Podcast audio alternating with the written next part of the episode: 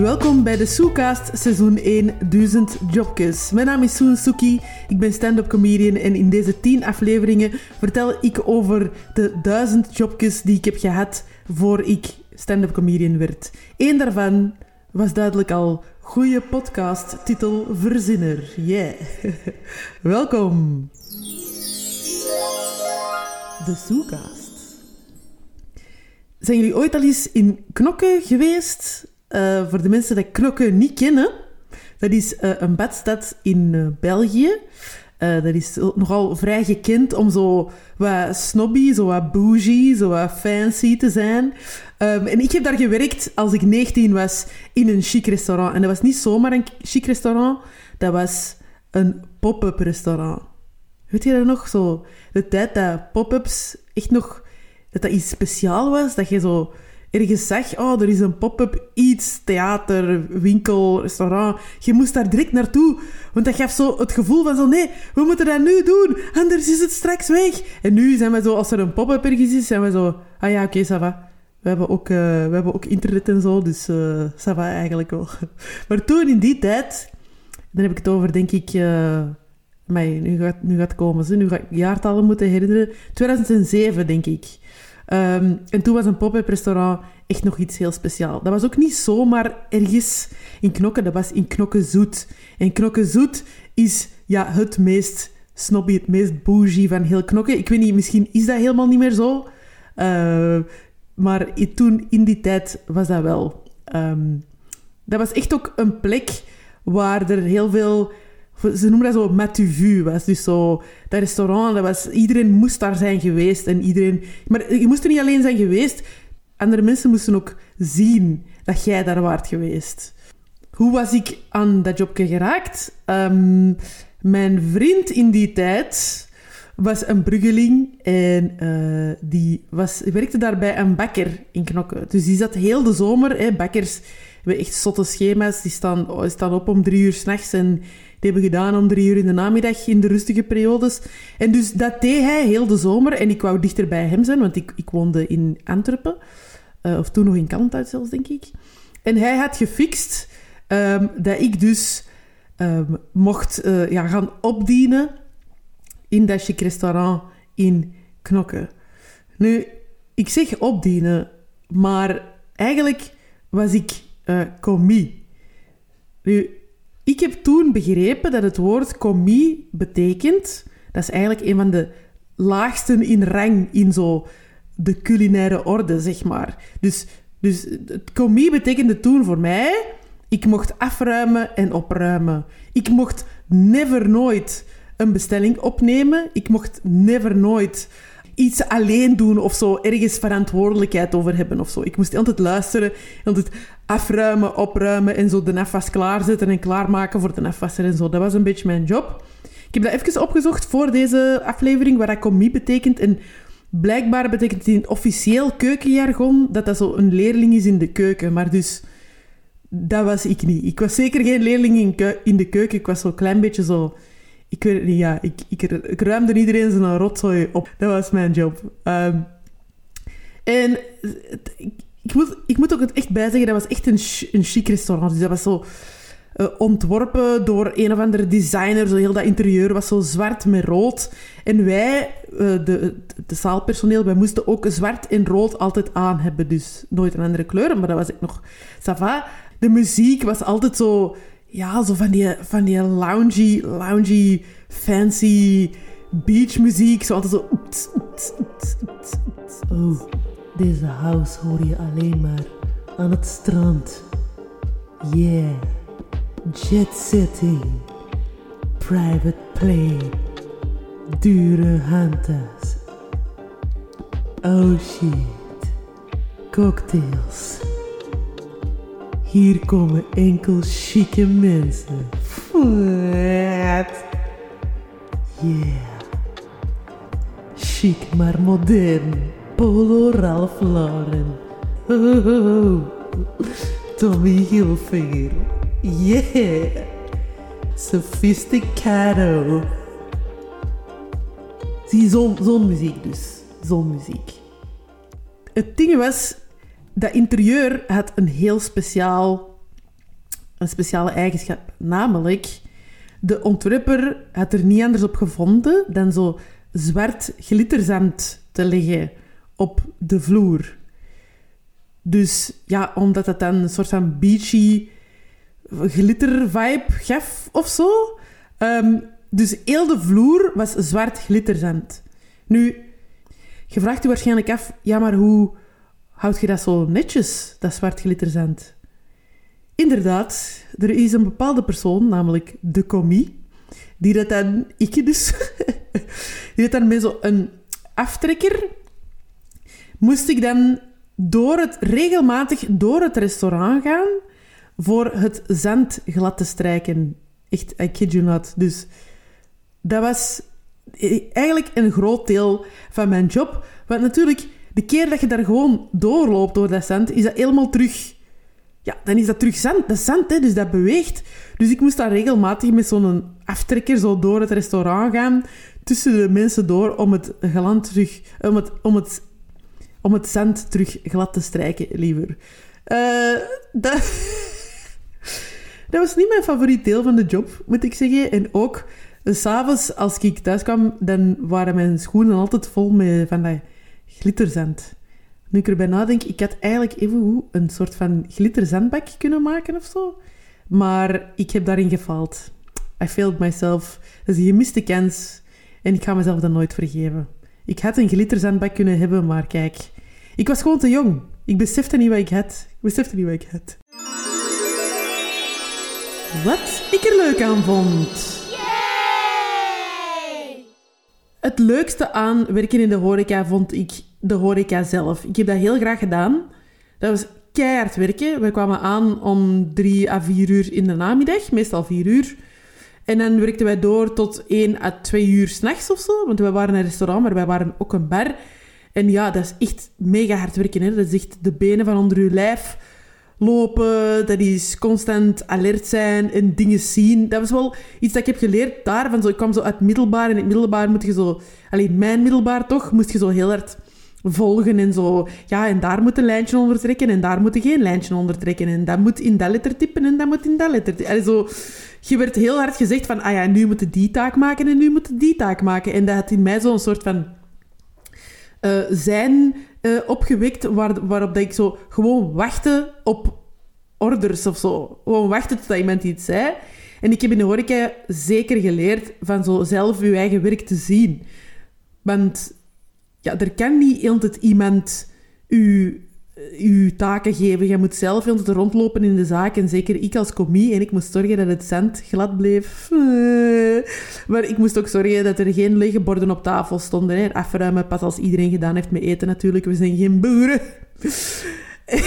um, lege glazen meenemen en zo van die dingen. En dat is wel een, een attitude dat ik heb proberen meenemen naar de rest van mijn leven of zo. Van zo zelf werk te zien, zelf kansen te creëren. En dat gaat niet altijd over werk, hè. Zelf mensen te bellen als je ze mist. Uh, zelf eigenlijk initiatief te nemen als je een nieuwe hobby wilt doen of zo. En ik vind dat wel een mooie ingesteldheid. Uh, in het leven is dat dan kansen zien, kansen grijpen, kansen meenemen naar je eigen leven. En in het restaurant is dat dat dan een lege Dame Blanche coupe zien een lege Dame Blanche coupe grijpen en die meenemen naar de keuken, weet je. Dus uiteindelijk is dat allemaal één groot geheel. Wijsheid.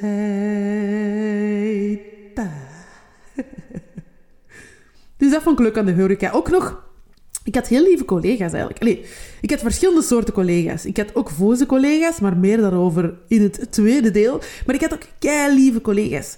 Um, die dat mij altijd steunden en zo. Er was zo'n koppel, een jong koppel. Voor mij waren die echt zo super cool. Die waren toen, denk ik, zo 23 jaar of zo. En ik vond hen echt... Oh, ik vond die zo graag. Dat was zo een, uh, een man en een vrouw. En die werkten dan heel de zomer lang, zes dagen op zeven. Omdat die aan het sparen waren voor in Miami of L.A. te gaan wonen. Dat was echt... En die waren kei lief. Die hebben me kei veel bijgeleerd over zo achter de bar staan en cocktails maken en zo. Um, want cocktails maken was hun job. Zij deden de bar, maar ik deed dan aan de bar af en toe de afwas. Dat vond ik heel plezant eigenlijk, om te doen. Aan de bar de afwas doen. Omdat je dan zo... Ik je kunt zo wat rondkijken uh, naar de zaak. En ondertussen ze zo mijn handeling bezig. En tijdens die handeling kun je nog aan andere dingen denken. Dus dat vond ik dan vond ik heel cool. Op sommige momenten kon het daar zo druk zijn. Dat was echt niet normaal. Dat was ook op een heel prominente plek in Knokken. En iedereen moest daar, zeker op vrijdagavond, zaterdagavond, iedereen moest daar zijn geweest. En dan natuurlijk komt iedereen van het volk op dezelfde moment, waardoor je echt zo van zo één tafeltje naar zo dertig tafels moet gaan in zo'n half uur of zo. Dat was echt crazy. En, en ik weet nog, op een keer was het zo druk en waren we zo onderbemand. Standaard, elke horecazaak heeft onderbemande dagen en dat zijn de tofste. Um, hebben jullie mijn sarcasme gehoord? Dat was een klein beetje... Dat was sarcasme. Ik heb dat geprobeerd. Uh, laat me weten of dat geslaagd is of niet. Um, dus...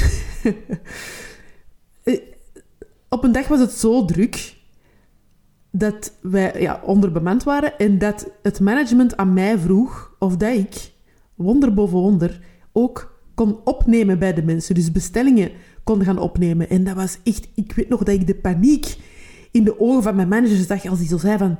Maar ja, op, opnemen bij de mensen, ja. Ja, ga ik dat wel kunnen? En ik dacht echt zo... In mijn hoofd dacht ik echt zo... Bitch, please. Er staan acht hoofdgerechten, vier voorgerechten en vier nagerechten op de kaart. Ik bedoel...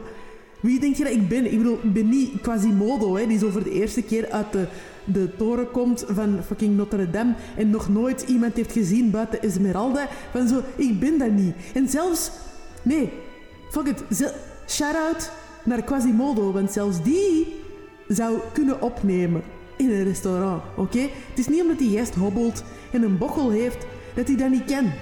En ik had... Dus ik ken dat ook. Als Quasimodo het kan, kan ik het ook. Voilà, dat is mijn regel in het leven. En natuurlijk, ja, dan ben ik gewoon gaan opnemen bij de mensen. En natuurlijk was daar geen probleem, want ik werkte daar al twee maanden. Dus ik kende dat menu ook al van binnen en van buiten. Ik had dat allemaal al zien voorbij komen. Als die extra vragen hadden over de menu, kon ik dat ook allemaal beantwoorden. Want tegen dan had ik dat ook allemaal al gegeten. Want we mochten dan eten van de keuken mee. Was trouwens heel lekker. Was, uh, dat was nog een van de voordelen van daar te werken. Ik was toen... Eh, dat is misschien een beetje vies om toe te geven. Ik weet niet, zo... Als er borden terugkwamen... Gaan jullie mij nu vies vinden? Ik, ik vraag het me af. Als er borden terugkwamen en er lag echt nog te veel op... Ja, kijk. Een ding over uh, Suzuki. Die gaat een goede maaltijd niet verloren laten gaan. ik moet zeggen, vrij vaak stak ik dan zo een kippenballetje in mijn mond. Of zo een frietje. Of zo. Maar je moet weten, sommige mensen gaven echt veel te veel terug. En dan dacht ik, dat moet gewoon allemaal in de vuilbak. Deze gaat gewoon niet. Dus ik zal mij gewoon opofferen om die dingen op te eten. Voilà, dat was nog een van de positieve dingen aan, aan die job. Dus shout-out naar dat chic restaurant in Knokke en alle, werkne alle lieve werknemers van toen. En al het lekkere eten dat ik daar heb kunnen eten van de uh, grave chefs. Uh, waren echt kei toffe mensen, de chefs.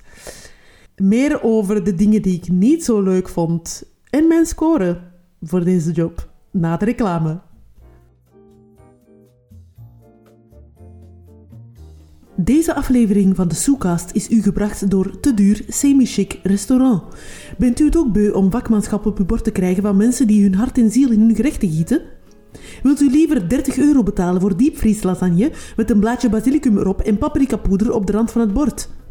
Bij Te Duur Semi-Chic Restaurant krijg je alle aanzien van op restaurant gaan, maar nul van het kwaliteitsvolle eten. Dat is één voor de prijs van twee. Win! Dus bent u in Parijs, Brugge, Barcelona en heeft u geen zin om naar goede eetplekjes te zoeken? Eén adres. Te duur semi-chic restaurant. Want ook bagger heeft een plaats op uw bord.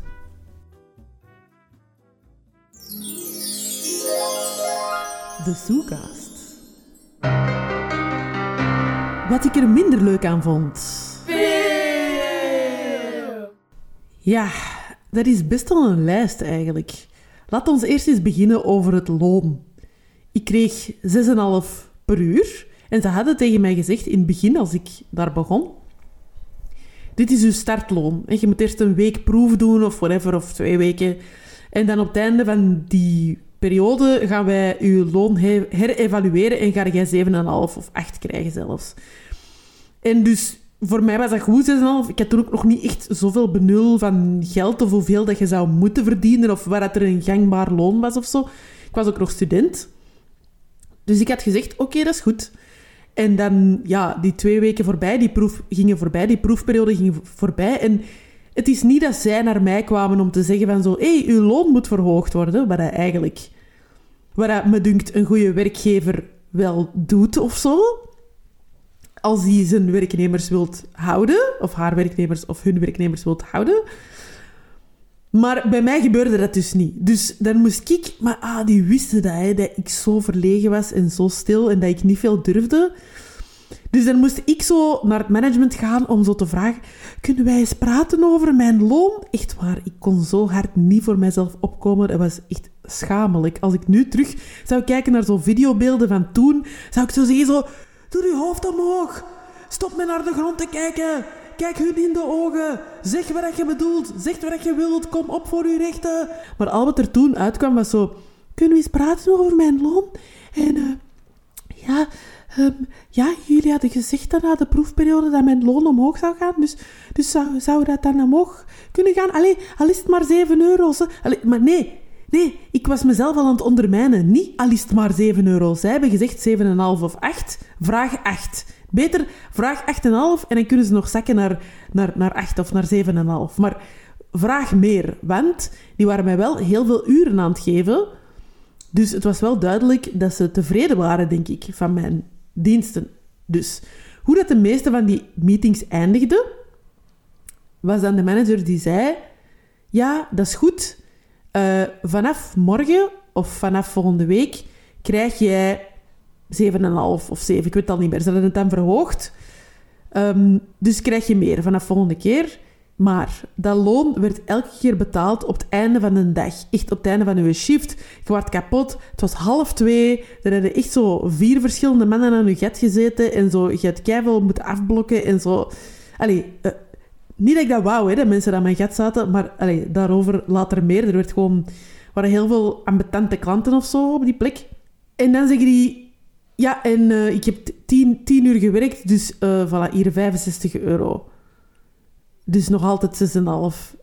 En op dat moment was ik te moe en, en te verlegen ook nog steeds. En zeker als je verlegen bent, shout-out naar al mijn verlegen mensen. Als je moe bent, dan is dat nog extra. Zo, dan kun je echt niet... Dan kun je gewoon niks zeggen. Dan zit je gewoon zo'n soort van vod. En van binnen is zo alles chaos en paniek.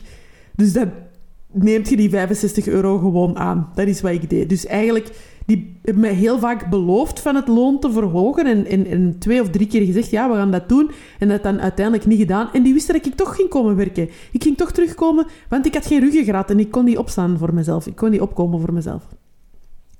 Dat is een les, lieve luisteraar, voor mezelf, maar ook voor jullie.